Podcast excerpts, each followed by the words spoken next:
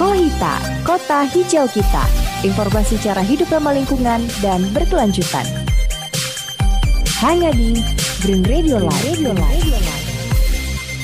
Halo sahabat Green, kembali lagi di program kita di Kohita Kota Hijau kita bersama Utari Azhari di sini. Nah, sahabat Green, kali ini Tari udah kedatangan nih seorang narasumber yang akan bahas mengenai kesehatan mental. Nah, mungkin sahabat Green uh, tertarik nih tentang kesehatan mental. Apa sih itu kesehatan mental? bagaimana sih kita tahu kesehatan mental dan kenapa sih utamanya ini kenapa kita harus tahu apa itu kesehatan mental. Nah, sahabat Green, kali ini Taris sudah bersama seorang psikolog bernama Kak Santi Kusuma Dewi yang sekarang bekerja di psikologi di bironya banyak hal yang akan Tari tanya-tanya tentang kesehatan mental nih. Mungkin kita sapa dulu nih. Halo kak. Halo Tari. Halo. Nih apa kabar nih kak? Alhamdulillah baik. Tari apa kabar? Alhamdulillah baik okay. juga deg-degan nih ketemu seorang psikolog nanti tadi dibaca. Mungkin boleh perkenalan dulu nih kak, kakak uh, kerja di mana, latar belakangnya gimana terlebih dahulu. Oke, okay. oke perkenalkan nama saya Santi Kusuma Dewi, biasa dipanggil Santi. Uh, saya seorang psikolog. Uh, background sih, background psikolognya pendidikan. Cuma kalau di waktu ambil kuliah itu kita ada mayor dan minor kalau mayornya pendidikan minornya itu IO industri organisasi gitu nah jadi kalau dari latar belakang mungkin cerita dulu tadi kan Tari bilangnya psikologi ya. Yeah. Nah, apa sih bedanya psikologi sama psikolog? Oh, beda gitu. ternyata ya. Ya, kalau psikologi itu ilmunya. Oh. Nah, kalau psikolog itu orangnya gitu. Orang yang berpraktek tentang ilmu psikologi itu sendiri oh. gitu. Tapi udah tahu belum eh, psikologi itu apa sih? Belum nih kak, karena itu kan karena tadi belum pernah nih, belum pernah sama sekali ngomong secara langsung sama seorang psikolog. Jadi apa yang tari itu cuma ngawang-ngawang dan cuma sumber internet nih kak. Mungkin boleh nih dikasih tahu juga apa sih itu psikolognya okay. sendiri? Kayak psikologi itu sendiri itu ilmu yang melatar belakangi uh, apa kita mempelajari tingkah laku seseorang. Tapi tingkah laku itu latar belakangnya apa sih gitu? Itu apa ya secara simpelnya ya. Nah misalnya ketika seseorang marah oh kenapa dia marah? Kenapa dia sedih? Apa yang latar belakangnya? Kenapa dia kalau marah sampai banting pintu? Hmm. gitu misalnya. Nah kita pelajari ya, perilaku perilaku manusia gitu. Nah uh, itu kan ilmu jiwa ya sebenarnya yeah. kan. Nah kalau psikolog itu orang yang sudah jadi dari proses pendidikannya S1-nya psikologi, S2-nya ngambil magister profesi psikologi gitu. Oh, berarti harus uh, eh, S2 dulu baru bisa disebut psikolog gitu ya, kan? Iya. Kalau zaman dulu, kalau sebelum tahun 2000-an kalau nggak salah ya, itu uh, orang-orang yang S1 terus ngambil profesi hmm. gitu. Kalau sekarang udah nggak bisa, jadi harus S2 dulu. S2-nya tadi kan saya bilang uh, psikologi psikologi profesi ya. Uh, dia harus ambil magister psikologi profesi gitu. Nah setelah itu nanti dia ada tes ada kayak ngambil uh, ujian. Nah di ujian ya apa? Diuji gitu ya. Yeah. jadi ada tesis nanti terus dia ada ujian HIMSI namanya himpunan psikologi dari himpunan psikologi Indonesia.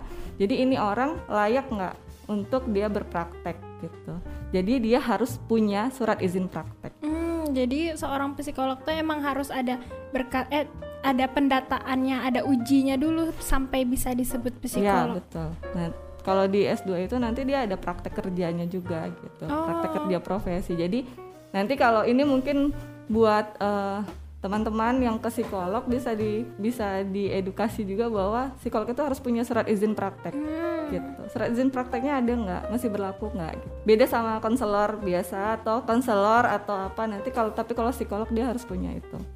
Nah itu terus kalau cerita sen se saya sendiri kalau misalnya iya pengen tahu juga ah, nih latar belakang kak kenapa sih kakak mengambil psikolognya dulu? oke. okay dulu sih sebenarnya nggak pengen nggak tahu ya psikologi itu apa gitu. Main ambil aja mm -hmm. gitu. Cuma memang suka ilmu sosial tapi latar belakang SMA itu IPA oh. Ha-ha. ngambil dia sempat ngambil mau ngambil matematika biologi gitu-gitu kan nggak nggak lulus ya umumnya. gitu. Iya. Akhirnya ya udah ambil swasta ambilnya yang pilihan kedua pilihan kedua. Jadi dua kali tes itu baru lulus. Psikologi itu pilihan terakhir banget gitu. Akhirnya masuk eh, ternyata menyenangkan mempelajari diri sendiri gitu. Diri sendirinya dipelajari terus setelah itu lulus hmm, sempat kerja di bank. Jadi waktu itu kuliahnya di Jogja ya. Mm-mm. kayak kuliahnya di Jogja di UII dulu. I- terus UI itu apa sih? Universitas Terus Islam, Islam Indonesia, Indonesia. Oke. terus pulang ke sini sempat kerja di bank tiga tahun. Oh lama juga ya kak? Ah, terus eh, sepertinya lebih enak tuh bisa mengatur jadwal sendiri Hmm. nah jadi psikolog kita praktek terus kalau S2 kita bisa jadi dosen kan Oh nah, bisa dosen ha-ha. juga. jadi kita bisa atur waktu sesuka kita lah ibaratnya sefleksibel kita oke setelah itu langsung ya udah aku ambil S2 alhamdulillah lulus sih karena tesnya kayak tes masuk kerja kalau ya S2 nya di UGM Hmm. Universitas Gajah Mada Jogja jadi kalau masuk di sana tuh kayak kita harus banyak banget tesnya sampai empat kali apa berapa kali gitu Eh, jadi eh, alhamdulillah setelah resign nggak ada ini nggak ada apa ya status ya Uh-uh. ini pengangguran atau bukan gitu sih akhirnya keterima terus kuliah kuliahnya agak lama sekitar tiga setengah tahun Hmm. terus lulus pulang ke sini terus praktek sih awalnya sama teman terus sekarang bisa buka buka sendiri sama beberapa teman psikologi itu menyenangkannya kita ketemu banyak orang Hmm. kita ketemu banyak orang kita ketemu banyak kasus eh, kita ketemu banyak permasalahan dan kita jadi kayak ngebuka pikiran kita oh ternyata nggak aku aja ya yang seperti ini Oh gitu. jadi bukan hanya untuk orang lain tapi juga untuk diri kita sendiri Ya, juga dapatnya ya kak. jadi kalau jadi psikolog itu kita berproses Hmm. berproses kita juga berproses sama kliennya gitu kita berproses sama yang kita pelajari kita berproses sama kasus-kasusnya gitu Nah kan itu kan ke orang lainnya waktu itu udah penerapannya kan tibanya kak. Waktu wak- kuliah dulu tuh cara belajarnya itu sendiri gimana sih kak? Emang teori aja atau gimana? kalau S1 jelas teori ya kalau S2 itu kan karena udah magister profesi kalau udah profesi berarti kan ada praktek Mm-mm. kita karena pendidikan prakteknya di sekolah itu kliennya dari TK sampai universitas. Jadi maksudnya kayak kalau TK itu biasanya kesiapan sekolah anaknya nggak mau "Eh, ini Nggak mau anak sekolah." ah, misalnya masih ditungguin sampai sebulan gitu kan sama orang tuanya. Terus kalau SD ini udah SD tapi kok eh, nggak masih nggak bisa baca kayak gitu. Nah terus dan banyak lagi ya kesulitan belajar. Kalau SMP itu biasanya anak-anak yang berontak gitu kan bolos terus gitu kalau SMA biasanya udah mulai mikirin mau pilih jurusan Ya, apa nanti mau kuliah ke gitu depannya. Nah kalau anak-anak yang universitas biasanya yang di perguruan tinggi tuh ini kok nggak lulus lulus ya udah Oh. lama gitu. Nah itu biasanya di refer ke psikolog kayak gitu. Oh Jadi- ternyata nggak lulus tuh bisa di ke psikolog juga ya kak? Untuk Iya iya banyak sih sebenarnya kayak minat bakat itu kan ke Oh. psikologi juga eh, ininya ya ilmunya ya. Nah jadi eh, kalau yang praktek dulu itu di ke perguruan tinggi Hmm. itu biasanya yang di refer seperti itu. Yang oh ini nggak pinter tapi kok nggak lulus lulus ada apa ya? Nah nanti di refer ke ininya ke psikolog yang praktek magang lah ibaratnya praktek kerja profesi gitu. Oh berarti menarik ya di proses sekolah yang kayak mungkin kita sebagai orang biasa kayak ya udah gitu aja kan tapi ternyata bisa ada analisisnya tersendiri ya kak Oh iya, iya pasti. Kayak contohnya malas belajar aja mungkin bisa malah di, bisa dianalisis. Ah, keren keren kak. Nah untuk nah untuk itu tuh kak sebenarnya kesehatan mental itu sendiri apa sih kak? Kenapa kita bisa meng- ken- kenapa seorang psikolog tuh bisa menganalisis kalau ternyata kayak contohnya malas belajar nggak lulus eh, belum lulus atau dan segala masalahnya tuh bisa dianalisis. Eh, kalau psikologi tadi kan eh, ilmu yang mempelajari tentang apa latar belakang tingkah laku seseorang ya ilmu jiwa lah sema- semacam itu. Nah, jadi eh, kenapa kita bisa tahu orang ini? Kayak misalnya ngelihat ngelihat cara orang nih ngomong aja oh ini pasti begini begini begini Ah, gitu iya. kan. Karena kita belajar gitu. Kita belajar itu berulang-ulang berulang-ulang. Jadi ya jadinya bisa gitu. Kalau memang tertarik dan kita di situ kan kalau di psikologi itu diajarin apa? Kita empati. Hmm. eh, empatinya. Terus harus peka sama orang kayak gitu gitu nah eh, kesehatan mental itu kan bagian dari psikologi gitu. Apa sih kesehatan mental itu? Kesehatan mental itu jadi keadaan seseorang kalau dia merasa sejahtera. Nah sejahtera di sini maksudnya adalah dia tahu potensi dirinya nah dia tahu potensi diri potensi diri ini dia tahu nih kelebihan kekurangannya apa gitu kan. Nah ke terus eh, setelah tahu potensi dirinya dia ini bisa me- apa ya mengelola dirinya untuk menghadapi tekanan-tekanan dari luar. Kayak dia kalau ada masalah dia bisa menghadapinya. Jadi bukan lari gitu tapi bisa menghadapi. Nah setelah itu bisa menghadapi dan akhirnya dia bisa berkontribusi di masyarakat dia bisa berkontribusi dia bisa apa ya terjun ke masyarakat dan berperan di masyarakat. Nah itu yang disebut orang yang sehat mental. Hmm. gitu. Jadi tahu potensi diri terus dia bisa menghadapi tekanan dari lingkungan. Ya tekanannya dalam bentuk tertentu ya bukan yang tekanan yang sangat berat gitu ya. Eh, terus eh, dia bisa berkontribusi di di lingkungannya gitu bisa berkarya gitu tapi itu dia harus lengkap itunya satu paket dia gitu. Oh berarti sebenarnya ini sesuatu hal yang sangat dekat sekali ya kak dengan kita dan perilaku kita sehari-hari malahan.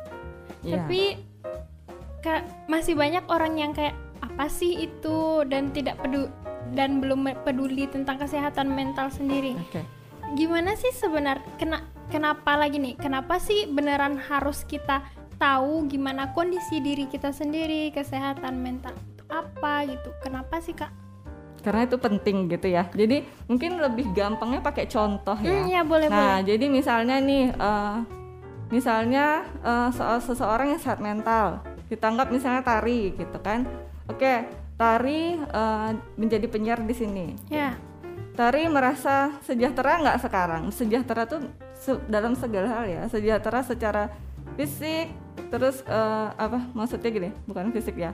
Sejahtera me- merasa nyaman dengan diri tari gitu. Oh, merasa aku baik-baik aja gitu. Nah, terus kemudian eh, tari tahu nih kelebihan tari apa, kekurangan tari apa. Makanya oh, aku nih suka ngomong gitu. Aku suka ketemu orang banyak jadi aku jadi penyiar misalnya gitu. Nah, terus kemudian ada tugas-tugas nih dari kampus tapi tari penyiar juga di sini. Iya. Bagaimana tari eh, mengatur jadwal, bagaimana tari mengerjakan tugas-tugas supaya tidak terlambat gitu. Itu kan stres-stres dari luar ya, tekanan-tekanan dari luar.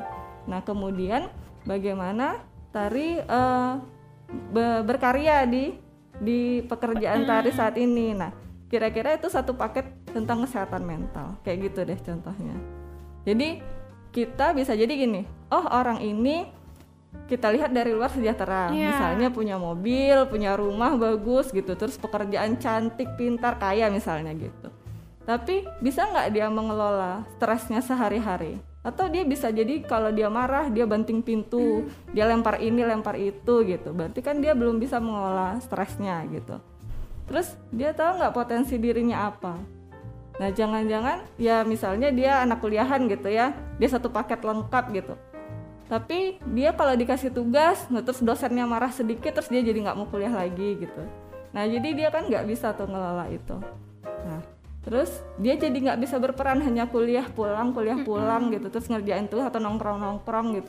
Nongkrong nongkrong juga bingung mau ngapain, terus juga nggak tahu nanti aku nih jadi apa sih, aku mau ngapain sih Banyak gitu. ya. Nah gitu. Jadi itu mungkin salah satu ciri-ciri yang sehat mentalnya perlu di di apa ya digali lebih dalam nih benar-benar sehat atau enggak atau perlu konsultasi kayak gitu. Oh berarti sehat tuh bukan secara yang penting dia kuat, dia bisa lari, bisa di makanannya sehat. Berarti bukan sehat itu bukan cuma sekedar itu ya kak? Ya itu sehat fisik berarti kan Ah. ya kalau kita oh kita ngerasa ini ya ngerasa oh, nggak pernah sakit misalnya Iya. tapi sering marah-marah berarti kan ada sesuatu kan nah gitu. Oh gitu ya. Berarti emang harus selaras berarti ya kak Ya kedua-duanya. itu yang disebut sehat mental. Oh, jadi itu arti sehat mental nih sahabat Green. Jadi bukan hanya kesehatan secara fisik, secara bisa lari jauh-jauh nih, tapi juga mengatur emosi. Iya, mengatur emosi salah satu bentuk uh, salah satu ciri-ciri sehat mental lah gitu. Nah, uh, untuk menganalisisnya tuh apa saja sih kak yang mempengaruhi seseorang tuh tentang kesehatan mentalnya? Mungkin kita bilangnya sebutnya faktor ya. Oh, faktor iya. apa sih uh. yang ah. mempengaruhi gitu ya? Yang mempengaruhi itu ada kalau misalnya bisa dibagi dua itu internal sama eksternal.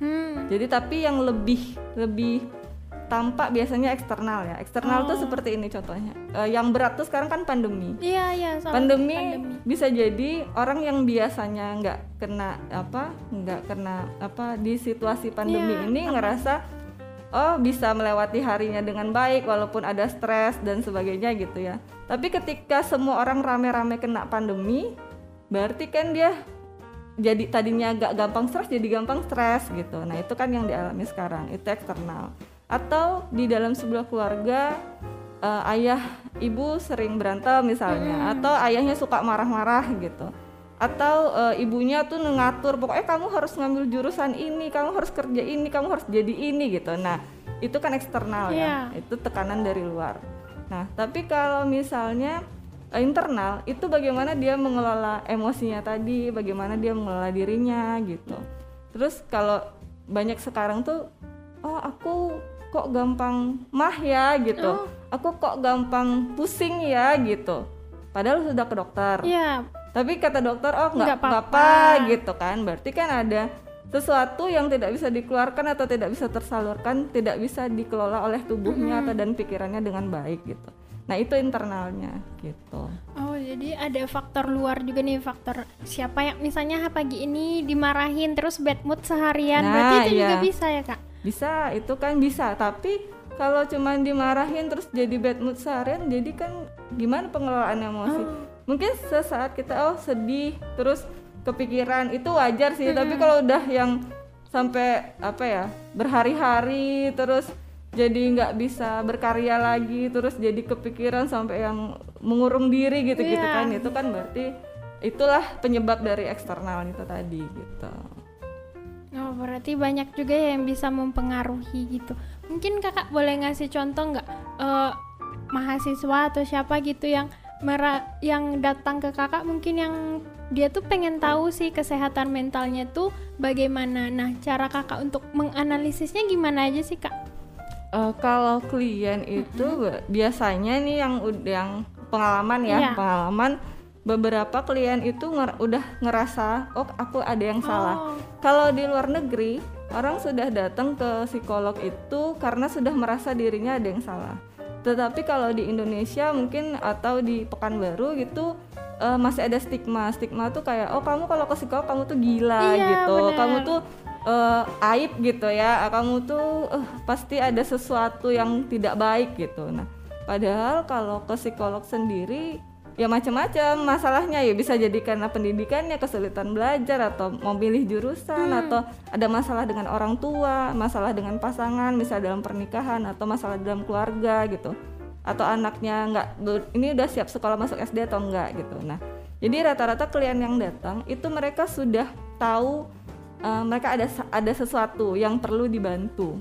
Saya butuh bantuan saya mau konsultasi masalah apa gitu kan. Misalnya kalau untuk uh, remaja gitu biasanya uh, masalah dengan orang tua. Yeah. Nah, orang tua saya begini gitu. Uh, saya tuh jadi nggak bisa uh, tenang di rumah gitu kan uh, karena di ya nggak betah gitu. di rumah jadi saya ke pengen keluar ya terus. saya pengen apa aduh kenapa sih orang tua saya seperti ini sama saya gitu kan terus nyalah nyalahin nyalah nyalahin semuanya gitu nah jadi waktu itu kalau pengalaman tuh kliennya udah tahu ada yang salah dia karena udah tahu ada yang salah kita lebih gampang hmm. mendekati apalagi kalau kita udah lihat cara berpikirnya oh ini bisa diarahkan gitu bisa diajak ngobrol lebih lanjut tapi untuk pertama datang biasanya biarkan klien bercerita dulu hmm. sampai dia benar-benar ngerasa lega, lega. Ha -ha. karena kalau kita ada oh kamu harus begini harus begitu dia udah ngerasa nggak didengarkan hmm. gitu karena yang kuncinya kalau jadi psikolog ini harus mendengarkan. Hmm, menjadi pendengar yang baik ya kak? Iya. Nah terus tadi kan ada pandangan tuh kalau datang ke psikolog tuh oh gila nih oh, ke, datang ke psikolog nih berarti ada yang salah. Malah ada ketakutan bagi orang-orang yang kayak datang ke psikolog itu malah takut dijauhi oleh orang-orang menurut kakak. Tuh gimana kalau seperti itu? Ada beberapa klien yang seperti mm -hmm. itu, tetapi dalam proses konsultasi, jadi uh, alurnya ya, biasanya kalau datang ke saya, kita konsultasi dulu, kita cari akar masalahnya apa. Nanti kalau bersedia, setelah diberikan saran, dilakukan nggak? Nanti kalau bersedia kita akan lanjut ke proses konseling. Mm gitu. Jadi kadang yang datang itu nggak tahu nih akar masalahnya yeah. apa. Dan hanya pengen didengarkan. Itu ada beberapa yang kayak gitu. Cuman pengen didengerin aja gitu.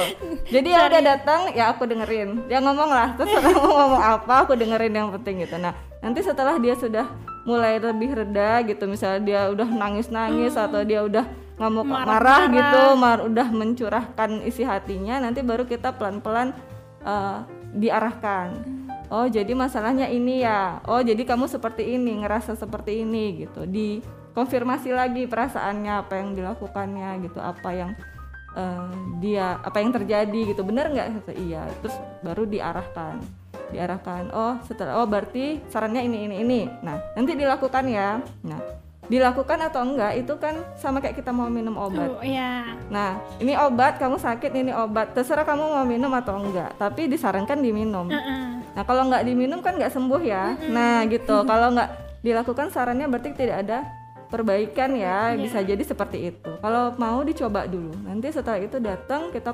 konseling.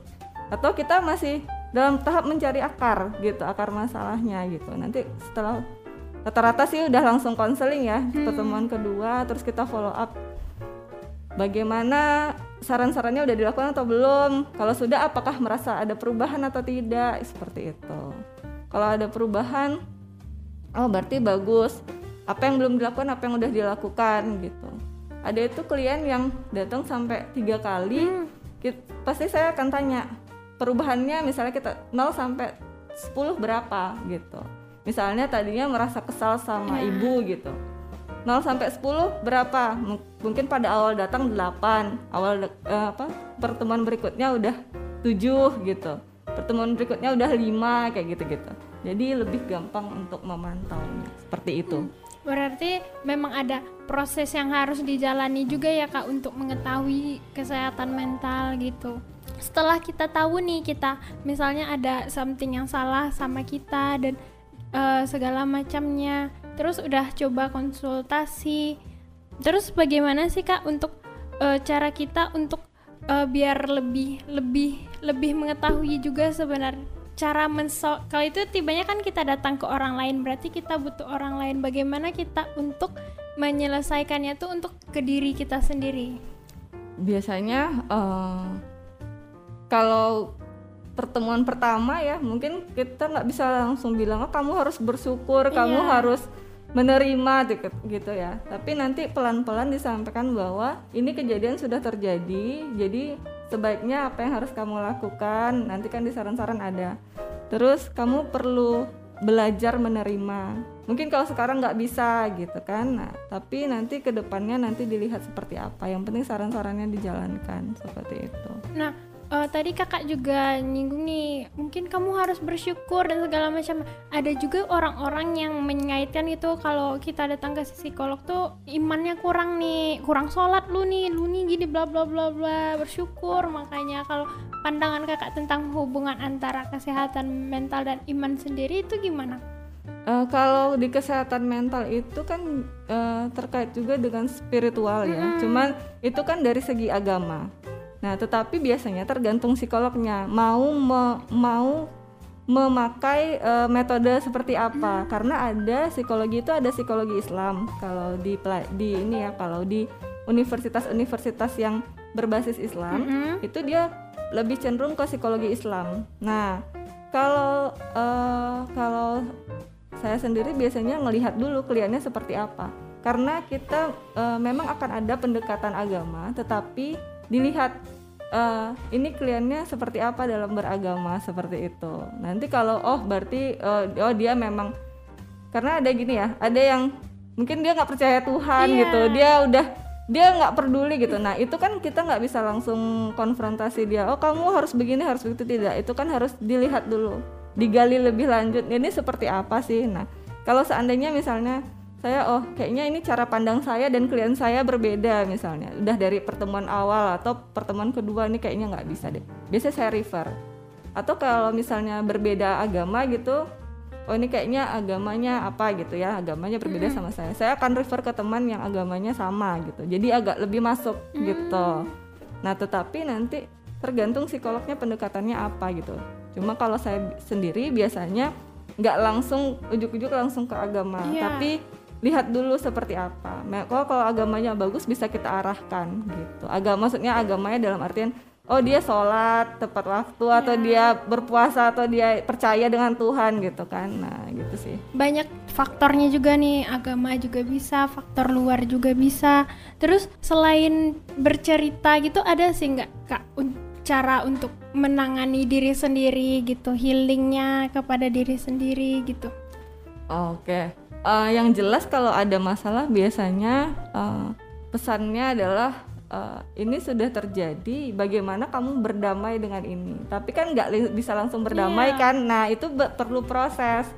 Biasanya orang yang udah pokoknya aku begini, pokoknya ini, pokoknya ini gitu kan. Nah itu kan berarti ada kesalahan berpikir. Nah di situ kalau ketemu psikolog kita akan menemukan titik temunya. Kesal- Kesalahan berpikirnya seperti apa? Kita akan kasih pandangan-pandangan baru Eh, kita akan kasih eh, apa ya namanya eh, oh kalau seperti ini pandangan-pandangan baru ya. Eh, menurut kamu ibu kamu misalnya jahat sekali gitu kan. Kira-kira apa yang ibu kamu lakukan? Tapi ibu kamu ada sisi baiknya nggak? Nah kayak gitu-gitu sih di kita kita apa ya persepsinya kita lebih perluas Oh. gitu. berarti misalnya uh, ada kan orang yang kayak dia tuh terlalu terpaku dengan apa yang difikirkannya diceritainnya dia nih nih nih nih nih berarti nanti akan dicoba diluruskan gitu ya? Ya kita coba dulu melihat itu. Tapi juga lihat dulu orangnya nih mudah dideketin nggak? Karena kadang-kadang ada yang udah merasa kalau bahasa psikologi defense. Defense tuh dia udah nggak udah kayak naruh dinding dulu. Pokoknya pokoknya aku kayak gini aku nggak mau aku nggak mau di apa ya nggak mau dikasih tahu dikasih aku nggak kepercayaanku tuh kayak gini Me- Iya. menurut pikiranku tuh seperti ini nah kalau memang susah karena memang ada ya kalau Iya. khusus biasanya sih remaja-remaja gitu Mm-mm. Eh, karena dia kayak pengen keinginannya dulu yang dipenuhi gitu kan ya nah itu kalau memang susah biasanya aku refer gitu. Oh berarti eh, ada tiap orang tuh ada pendekatannya masing-masing nah ya, iya. Be, makanya itu kan tiap individu ini unik. Manusia ini unik kan ya. Nggak walaupun adik kakak atau saudara kembar itu kan beda orang. Beda beda yang di dalam tubuhnya di dalam pikirannya gitu. Nah kita pendekat nah psikolog itu harus ngelihat ini orangnya gimana? gitu. Jadi nggak bisa oh kalau ini harus metodenya ini semuanya harus ikut metode saya gitu. Tergantung nanti kalau eh, psikolognya mau eh, oh bisa nih bisa nih masuk semua metodenya gitu Eh, saya saya arahkan ya. Kadang-kadang jadinya nggak berhasil gitu. Oh ber eh, kan nah itu yang pas kakak belajar waktu di kuliah dulu kan berarti belajar metode-metodenya. Apakah semuanya tuh harus diterapkan atau cuma salah satu? Atau gimana kak? kalau kuliah itu kan teori terus kita ada prakteknya juga. Iya. nah di lapangan bisa jadi nggak seperti itu. Misalnya gini oh kalau parenting berarti eh, metodenya harus seperti ini Iya. gitu kan. Ayah ibu harus datang berdua melakukan bla bla bla segala macam gitu. Nah kita akan melakukan itu mengajak misalnya yang datang ibunya aja kita akan melakukan eh, ayahnya diajak ya bu eh, suaminya diajak gitu. Tapi kan ada di lapangan Yang oh suami mau. saya kerja eh, jauh di pulau mana gitu. Terus eh, suami saya tuh nggak mau gitu. Nah jadi kan nggak mungkin Iya. kita nerapin apa yang ada di kuliah itu dulu. Kita harus cari yang lainnya dulu gitu. Ini oh berarti eh, bisa jadi ini masalah komunikasi nih suami istri. Berarti itu dulu yang perlu diperbaiki bukan masalah parentingnya. Berarti seperti itu. Jadi harus tiap orang tuh beda-beda dan sejauh ini tuh klien itu walaupun misalnya oh ini katanya kesulitan belajar bisa jadi Iya. kesulitan belajarnya tuh beda-beda juga.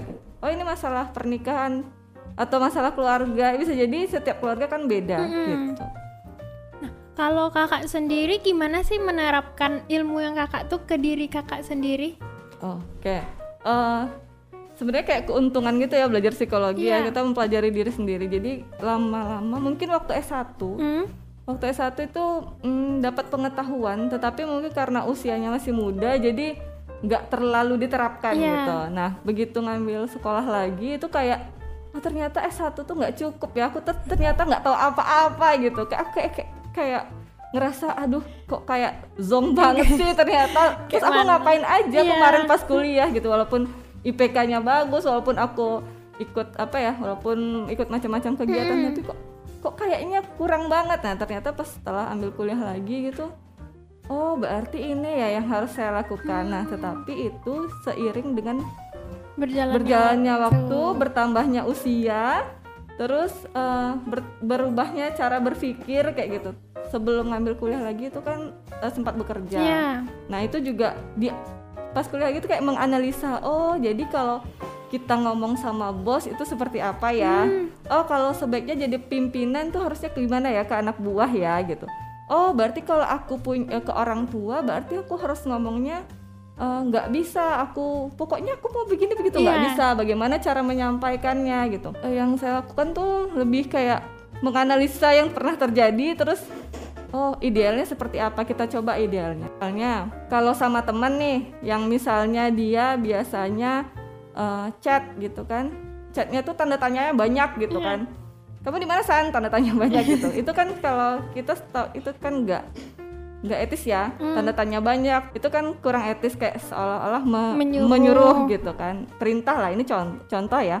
Terus kita kan nggak nyaman. Mm-mm. Nah, ya bias biasakan berkom apa menyampaikan jadi nggak kesel dibawa di belakang gitu terus ngomong-ngomong gitu terus jadi eh, aku sampaikan belajar menyampaikan apa yang dirasakan tapi dengan tenang Caranya dengan kak? tana- caranya kalau lagi kesal ya jangan ngomong dulu ya diam aja dulu nanti kalau udah agak berapa saat atau dia udah kita lagi mood dia lagi mood kita ngomong kalau aku di di WA atau di chat aku jangan kayak gitu dong tanda serumu banyak banget gitu. Eh, kok kayaknya kesannya nggak nyaman ya kayak gitu. Jadi bi- aku biasanya ngomong langsung tetapi lihat kondisi. Jangan-jangan aku nggak ngemut terus eh, si orang yang diajak ngomong juga nggak mood. Mm. Karena kan untuk PR-nya itu sebenarnya untuk bilangnya gitu kan kak untuk nyeritain apa yang kita rasain ke orang lain itu tuh kayak sebuah PR. Nah apa yang harus dilakukan untuk setidaknya mencobanya agar akhirnya tersebut gitu? Karena kan kadang overthinking. Nah nanti aku kasih tahu nanti dia nggak mau temenan sama aku lagi. Nah kan sering gitu. Jadi biarin aja lah gitu. Gimana sih cara kita untuk memulainya itu? Bi- ya biasakan eh, tidak langsung bereaksi. Jadi kalau misalnya marah gitu kan terus marah ya udah tenang dulu. Misalnya kalau berdiri kan biasanya kalau ada di agama tuh yang duduk dulu Iya. atau kalau lagi duduk kalau perlu baring dulu gitu kan ya. Nah jadi eh, memang eh, kita harus bisa mengendalikan emosi kita dulu. Terus hindari berpikir negatif nanti kalau dia begini aku begitu. Nanti kalau aku begini dia Iya. begitu. Nah itu sebenarnya menghambat sekali. Nah eh, udah beberapa tahun terakhir aku be- belajar berpikir positif itu sangat menyenangkan. Jadi kita merasa lebih luas kita merasa lebih ringan. Terus kalau misalnya ada yang marah sama kita gitu. Kesal sih kesal itu kan wajar ya manusia gitu. Tetapi yang nggak dibawa sampai mungkin memang keinget tapi Iya. nggak yang dendam. Karena kita nggak suka sama orang itu karena perilakunya bukan karena Orangnya. orangnya, gitu kan. Nah jadi kalau nggak suka ya kita akan sampaikan. Biasanya karena saya sudah menikah ya kalau sama suami kalau saya nggak suka saya sampaikan gitu. Nggak suka eh, karena ini ini ini gitu. Bisa nggak gini gini gini? Ada Ah, alasannya ya, juga jelas. terus solusinya gimana? Nah karena biasanya orang kan lebih ini lebih suka orang lebih suka untuk memaksakan pokoknya harus gini Iya. aku nggak mau kalau kamu gini gitu Iya. pokoknya harus beda jadi di situ kan akan terjadi benturan-benturan gitu nah jadi kayak kita harus mengendalikan diri terus bagaimana cara berkomunikasi yang efektif ya komunikasi yang efektif gitu Nah, mengendalikan diri. Padahal tubuh-tubuh kita sendiri, pikiran-pikiran kita sendiri, semuanya itu emang punya kita. Tapi kenapa sih susah kak untuk ngaturnya? eh banyak itu kalau sekarang kan eh, ini ya saya udah banyak baca tentang kesehatan itu tidak hanya tentang apa ya cara berpikir positif segala macam Mm-mm. tetapi ternyata tubuh kita ini kan ada menghasilkan hormon gitu Iya. ya, menghasilkan hormon. Terus kita punya otak yang eh, hormon-hormon itu juga ber, ber- apa ya namanya berkontribusi di situ gitu. Biasanya eh, aku tanya sama apa sama klien itu pasti ditanya olahraga nggak? Nah itu kunci dari semua kunci deh kayaknya olahraga tuh. Ya kalau kamu rebahan aja terus kamu setiap hari nonton di laptop, terus kamu olahraga nggak? Terus kamu kena sinar matahari nggak? Gitu. Atau kamu di dalam rumah aja gitu. Terus kamu minum air putihnya banyak nggak? Gitu. Terus kamu makan sayur sama buah nggak? Nutrisi kamu cukup nggak? Nah, terus kamu suka jajan-jajan nggak yang kopi-kopi zaman sekarang gitu kan? Karena ternyata ya tubuh orang beda-beda. Ada yang nggak bisa nyerna tepung dengan baik, ada yang nggak bisa nyer- nyerna susu dengan baik, nggak bisa gula dengan baik. Nah, itu kan tubuh beda-beda. Iya. Nah, kamu makanan kamu sehat nggak? Biasanya aku tanya itu dulu. Nah, kalau itu oke, oh nggak masalah masalah. Berarti ini memang pikirannya yang perlu kita ini kan. Hmm, ketemukanlah solusinya seperti apa itu bersaran. Tapi biasanya rata-rata klien yang datang ke lima ke ini yang aku sebutin tadi Iya. itu nggak lengkap biasanya. Hmm. Oh, Ada ini suka jajan misalnya kan. Oh, nggak makan sayur ya. Nutrisi nggak cukup. Gimana hormon-hormon di tubuh kamu menghasilkan hormon-hormon yang Bahagia. ya, yang hormon-hormon yang mendukung untuk proses di dalam tubuh itu gitu. Lebih sehat. Nah, kan ada ya tubuh apa? Tubuh yang sehat, ji- jiwa yang kuat ya. Ah, tubuh iya, di dalam tubuh tubuh yang sehat sehat, terdapat jiwa, yang kuat, gitu Iya, kan iya, ya. iya. Nah, tapi itu kalau misalnya udah oh saya jarang minum. Oh saya lemes saya suka rebahan. Nonton TV aja saya rebahan gitu. Saya main handphone rebahan gitu kan. Eh se sehari 24 jam saya rebahan. 12 saya- jam saya rebahan. Nah itu dulu yang harus diperbaiki. Jadi harus gerak gitu. Itu dulu yang harus diperbaiki. Karena kalau nggak nggak itu nggak akan bisa ya cara berpikir kita juga yang hormon-hormon tadi juga nggak membantu jadinya kayak gitu. Berarti asupan juga penting berarti Kak, Penting, penting, penting. banget gitu. Terus kemudian misalnya udah nih seperti yang Kakak bilang, udah nih udah checklist makanan sehat checklist, olahraga checklist, tapi masih eh, menarik diri nih, nggak mau belum mau ketemu orang, belum mau merasa beda gitu daripada orang lain. Orang lain bahas apa kita merasa kayak eh nggak nyambung gitu. Nah, untuk mengatasi hal gitu gimana lagi? Nah Kak? biasanya kalau ketemu yang seperti itu, ba- aku udah langsung eh, apa langsung gini. Bisa jadi aku nggak bisa ngatas membantu dia. Kenapa? Jadi karena kan eh, background background saya tadi kan psikologi pendidikan. Uh-uh. Nah oh ini bisa Oh. jadi kita karena di psikologi itu ada tiga secara umum ya psikologi pendidikan, klinis sama industri. Nah tadi kan aku ambil pendidikan sama Iya. industri ya. Nah oh ini udah klinis banget nih orangnya, udah kayak yang bisa jadi dia udah ngerasa ketakutan setengah mati sama orang Iya. gitu kan. Nah oh berarti ini harus ke psikolog klinis yang di rumah sakit Hmm. atau yang di klinik yang psikolog klinis lah ya atau dia perlu ke psikiater dibantu dengan obat gitu jadi karena psikolog itu tidak boleh kasih obat Oh. yang boleh kasih obat ya hanya dokter gitu tahu nggak beda psikiater sama psikolog Enggak. nah itu juga banyak yang nggak tahu Iya, kirain apa sih bedanya perasaan sama aja gitu membahas tentang ya kesehatan jiwa dan segala macam gitu. sama-sama mem- eh, mempelajari ilmu jiwa Mm-mm. tetapi kalau psikiater ini lebih bi- boleh memberikan apa biasanya memberikan obat gitu karena keluhan-keluhan biasanya keli- pasien-pasiennya oh mahnya nggak nggak sembuh-sembuh oh sakit jantungnya kok nggak sembuh-sembuh dari lama padahal udah treatment macam-macam Iya. gitu udah operasi segala macam gitu. Berarti kan dia perlu dibantu dengan obat jadi yang boleh ngasih itu adalah psikiater. Psikiater itu bedanya sama psikolog. Kalau psikolog dari fakultas psikologi kalau psikiater dari fakultas kedokteran. Oh, jadi dia harus jadi dokter dulu terus ambil spesialis spesialis ilmu jiwa terus psikiatri ya ngambil psikiatri itu baru dia jadi psikiater oh jadi ternyata ada beda ya antara psikolog dan psikiaternya kak. Hmm. Hmm.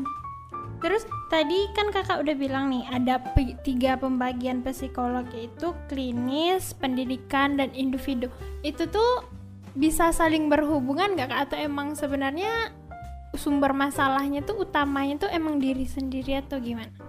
Kalau sumber itu pasti kan diri sendiri ya karena karena Salah. eh, diri ya intinya gini lah manusia kan semuanya Iya. kan mempelajari manusia. Cuma kalau pendidikan itu rata-rata yang berhubungan dengan sekolah. Atau yang ya kalau misalnya psikolognya misalnya kayak saya saya ambil pelatihan-pelatihan tentang pernikahan saya ambil pelatihan tentang family therapy misalnya saya ambil uh, pelatihan-pelatihan tentang uh, yang oh uh, cara mengatasi trauma misalnya. Itu boleh saja mengambil apa ya mengambil klien dengan permasalahan tersebut gitu. Tetapi kalau misalnya nih yang udah dia cemas dia perlu obat ya saya juga harus kasih ke yang klinis. Klinis itu biasanya mereka di rumah sakit. Nah eh, lebih apa ya biasanya yang di akan dicari itu pengalaman masa lalu akan lebih dibongkar lah gitu. Lebih dalam sekali. Nah kalau pendidikan itu fokusnya bukan menggali-gali masa lalu lah ibaratnya gitu. Nah jadi nggak yang sampai dalam-dalam sekali gitu. Nah kalau industri organisasi itu biasanya dari perusahaan. Apa di perusahaan Eh, di perusahaan itu misalnya ya kayak dia pengembangan pengembangan karyawan, pengembangan SDM, terus kasih training gimana karyawan-karyawan itu lebih bagus gitu, lebih lebih capai target misalnya. Terus kalau untuk atasan-atasan atau pimpinan-pimpinan bagaimana meng- mengelola perusahaan gitu, bagaimana yang berhubungan dengan manusia-manusia yang ada di perusahaan atau organisasi itu gitu. Semuanya saling berhubungan. Eh, psikolog mana pun, misalnya apa pio, ini klinis, apa industri itu bisa masuk di situ, tetapi eh, tergantung nanti kompetensinya gitu. Ada nggak kak kemungkinan misalnya tadi datang ke psikolog, rupanya kakak psikolog industri nih, tapi ternyata yang tari butuhkan psikolog klinis berarti ada kemungkinan salah konsultasi nggak berarti? Sebenarnya gini, kalau psikolognya mampu nggak ada masalah. Oh. Kan gini, misalnya tari datang nih masalahnya klinis, tapi Iya. datang ke, in- ke psikolog ke industri. Kalau dia bisa bantu tari, berarti kan nggak ada masalah. Oh. Tapi kalau misalnya dia merasa oh aku nggak bisa bantu, oh tari udah datang berkali-kali kok, oh atau dia langsung tahu oh ini nggak bisa ke saya, berarti harus di refer gitu. Jadi tergantung psikolognya. Oh dia nggak ngambil biasanya kalau psikolog nggak ngambil pelatihan pelatihan atau seminar-seminar yang misalnya pendidikan ngambil pernikahan kayak gitu kalau nggak ngambil biasanya mereka nggak kita kita nih nggak berani ngambil gitu karena kayak menyesatkan klien nanti gitu. Berarti bisa menyarankan lebih ke yang boleh tepat ke gitu. refer. Jadi psikolog ini kan bukan dewa ya jadi aku akan membantu kamu hero gitu-gitu. Ya kita kan bantu tapi kalau memang kita nggak mampu ya kita kan sarankan ke yang bisa membantu gitu kan terus kemudian kalau misalnya kita eh, namanya psikolog kan manusia jadi ya ada masalah juga Iya. gitu. Ya kita juga perlu konsultasi gitu kita juga perlu ngobrol sama orang sama orang lain gitu. Dulu dosen saya almarhum itu profesor itu bilang apa beliau tuh bilang eh, saya juga ada kok tempat konsultasi sendiri gitu jadi kadang orang kan udah berpikir kamu psikolog tapi Iya. kamu eh, nggak bisa ngatasin masalahmu. Walau menurutmu aku nggak manusia gitu kan? Profesor saja butuh tempat konsultasi gimana lagi kita yang remah-remah ini gitu kan? Ya cuman ilmunya seberapa gitu. Jadi kadang orang-orang yang pendidikannya tinggi merasa merasa oh nggak perlu oh merasa Iya. merasa baik-baik aja merasa aku bisa. Tapi ternyata dalam keseharian kesehariannya itu tidak tidak berjalan dengan baik gitu nah itu kayak ego-ego seperti itu tuh yang perlu cara berpikir seperti itu yang perlu diluruskan seperti itu Nah, ada juga nih eh, orang yang takut ke psikolog. Ada yang ngasih apa eh, kata-kata ke psikolog. Psikolog tuh cenayang. Karena ih kok tahu sih, kok bener sih gitu-gitu. Nah, itu tuh gimana sih Kak sebenarnya jawabannya? Kalau dibilang cenayang ada temen sih temen yang psikolog yang juga bilang ya kita nih emang kayak cenayang dia bilang gitu. Tapi kalau aku sendiri apa ya bilangnya hmm, karena kita belajar kita belajar dan kita ketemu banyak orang ya kita selalu evaluasi gitu kan ya kita tahu gitu gimana orang misalnya dari datang aja udah suaranya bergetar gitu oh Iya. berarti grogi gitu ya itu sebenarnya bukan cenayang ya kata- karena kita pelajari ilmunya gitu Untuk kesehatan mental nih apakah di dirinya sendiri yang harus bilang iya ataupun harus ada masukan untuk mengetahuinya? oh mengetahui kesehatan Iya. mental ini tadi kan ada tiga tuh kuncinya mengenali potensi diri Ya. eh, eh, sejahtera dalam artian mengenali potensi diri. Terus dia bisa eh, apa menghadapi tekanan-tekanan dari sekitarnya gitu ya. Dalam artian stres-stres stres-stres tertentu gitu. Terus dia bisa berkontribusi di masyarakat. Masyarakat. Nah, kalau ada dari ketiga itu yang tidak terpenuhi, berarti ya dicek sendiri kira-kira Hmm. eh, udah sehat secara mental belum gitu. Ya kalau misalnya gini, tadi nggak bisa nah- menghadapi stres-stres yang Iya. ada, walaupun cuma dimarahin mama gitu, terus nggak ini nggak nggak mau keluar kamar tiga hari gitu. Oh berarti kan ini perlu konsultasi Iya. ya. Nah kayak gitu-gitu. Nah, tadi eh, kalau pengalaman kakak pertama dengan eh, kalian gimana kak? Pengalaman pertamanya gimana sih Klien- saat kakak pertama kali ketemu klien? Pertama ke klien pertama yang Iya. dipegang gitu. Heeh. Hmm, lupa. Udah udah hampir udah enam tahun ya tapi nggak nggak nggak tahu nggak berkesan atau apa ya tapi agak lupa sih. Cuma kuncinya adalah kalau kita harus berani Hmm. gitu. Kalau zaman dulu waktu masih praktek-praktek awal di waktu di kuliahan gitu kan eh, saya takut kalau misalnya harus panggil ayahnya. Jadi saya bingung ngomong sama ibunya terus gitu kan padahal kan harusnya ayah ibu tuh. Jadi eh, pas udah lulus gitu kan berarti udah lebih pede lah karena Iya. kita udah punya apa ya udah Udah punya lah kan. eh, kalau udah lulus kan S2 tuh Oh, berarti iya. udah udah ini kan udah psikolognya Iya. gitu kan udah master. nah Master.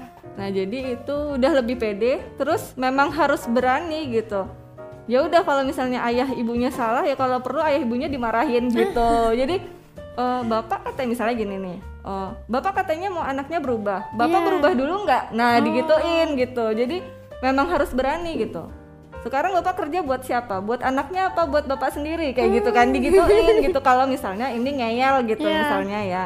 Tapi kalau pendekatan yang pendekatan baik-baiknya masuk ya nggak masalah. Tapi kalau masih ngeyel masih ngeyel juga gitu kan masih defense gitu ya.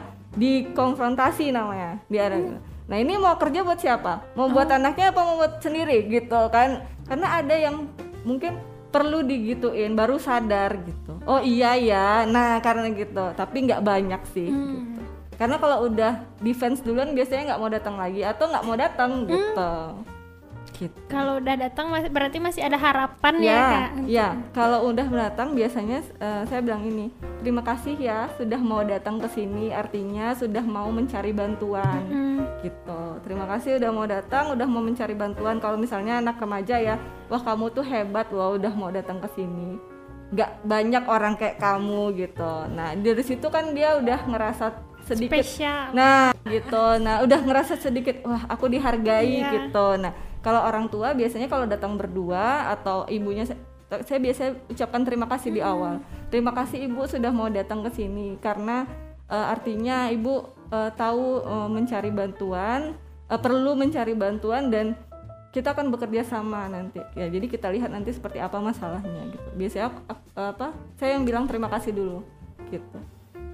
Berarti seru juga nih ternyata ngomong sama seorang psikolog tahu tentang sosial dan udah bertemu banyak orang juga nih. Terus eh, pengalaman kakak yang paling susah nih gimana? paling susah tuh ada klien uh, remaja uh, bolak-balik sampai WA tengah malam gitu. Aduh aku stres, aku sendiri bisa stres gini kan. Uh, tengah malam WA terus ngasih tahu pengen mati pengen mati gitu kan. Nah sebenarnya akhirnya setelah berapa kali ketemu akhirnya aku refer ke temen ke temanku yang klinis itu. Nah ini kayaknya aku udah nggak bisa deh karena dia ngomongnya bunuh diri gitu kan.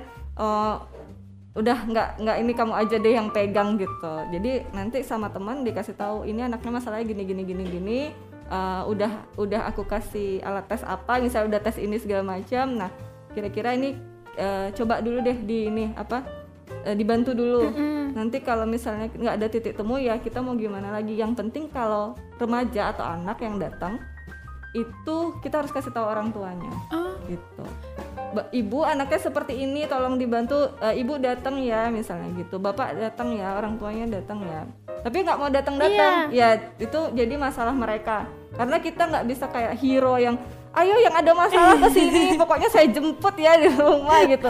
Kecuali sudah melibatkan hukum misalnya KDRT gitu atau yang udah ya udah parah ya maksudnya udah parah dalam artian melibatkan kekerasan fisik atau eh, apa ya yang udah melibatkan hukum lah.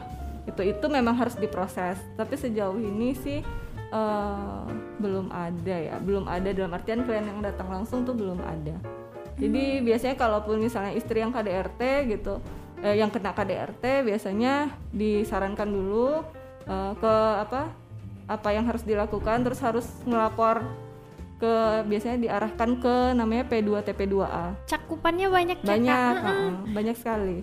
Hmm, tadi telah yang klinis, hmm. yang uh, pendidikan menurut kakak yang paling seru itu yang mana? Dari pendidik, yang dari klien dan pengalaman kakak oh. sendiri kalau karena aku apa ya di bidang pendidikan ya memang seru ya di bidang pendidikan gitu. Karena nggak nggak nggak ini ya bukan yang klinis. Hmm. kenapa nggak ngambil klinis? Dulu aku takut orang dengan gangguan jiwa. Oh. jadi ODGJ ya kita nggak nyebutnya orang gila tapi ODGJ orang dengan gangguan jiwa yang kayak di rumah sakit uh, apa ya rumah sakit jiwa gitu. Yeah. aku nggak eh, nggak uh, berani gitu. Jadi ya udah ngambil pendidikan. Nah karena memang fokus ke pendidikan dan lihat macam-macam ini ya macam-macam kasus ya macam-macam permasalahan ya yang seru tuh ke di pendidikan bagi saya gitu ya berarti uh, psikolog tuh nggak harus terjun ke rumah sakit terus ya kak Enggak, enggak macam-macam. Kalau di rumah sakit itu uh, bisa di rumah sakit jiwa uh -huh. atau di rumah sakit yang biasa, yang maksudnya bukan rumah sakit jiwa yeah. ya. Nah sekarang eh, rata-rata uh, rumah sakit di Pekanbaru sudah ada psikolog klinisnya. Uh jadi ada klinis anak dan klinis dewasa. Nah, uh, kalau di sekolah kan uh, karena saya pendidikan backgroundnya di sekolah mm -hmm. itu uh, juga mendampingi anak ABK. ABK itu anak berkebutuhan khusus. Mm. Nah, jadi uh, ada satu momen di mana yang sangat mengharukan. Jadi waktu itu, uh, jadi satu kelas itu saya ada praktek di SD. Satu mm kelas itu anak berkebutuhan khusus. Uh, ada sekitar 10 apa 9 orang gitu jadi kalau mereka makan jadi kita tuh nggak perlu minta. Mereka kan ada yang susah ngomong ada yeah. yang kayak ada yang down syndrome susah apa autis gitu macam-macam ya. Tapi uh, dia langsung ngasih makanannya buat kita gitu. Mm. jadi uh, aku di dalam uh, observasi ya. Terus dia pas makan siang uh, buat miss. Buat miss. Terus aku yang aduh anak yang ABK aja itu tuh apa ya diajarkan untuk berbagi gitu loh. Kadang kita makan nggak nawarin orang yeah. makan di depan gitu itu kan kayak nggak etis ya gitu. Jadi kok ngalah-ngalahin anak kita gitu. Jadi ya kayak gitu sih itu kayak pengalaman yang kayak apa ya menyentuh lah hmm. gitu. Karena mereka lebih tulus daripada yang orang normal gitu. Itu itu inilah menyenangkan gitu. Nah terus wah ah keren nih. Keren banget nih. Udah tentang anak khusus di keluarga di pendidikan. Kalau di pendidikan nah tentang pendidikan nih kak. Uh, selama pandemi ini ada nggak sih yang konsultasi tentang pendidikan? Karena di pandemi ini malah orang ya di rumah aja nggak sekolah seperti biasa. Itu tuh pengaruhnya gimana sih kak sebenarnya? Kalau yang di segi pendidikannya dengan sekolah bisa dibilang sekolah tuh antara ada dan tiada juga kan kak? Uh, sejauh ini mm -hmm. mungkin karena banyak kayak eh, kelas-kelas online yang membahas tentang uh, apa ya uh, bagaimana anak belajar di rumah gitu gitu-gitu ya.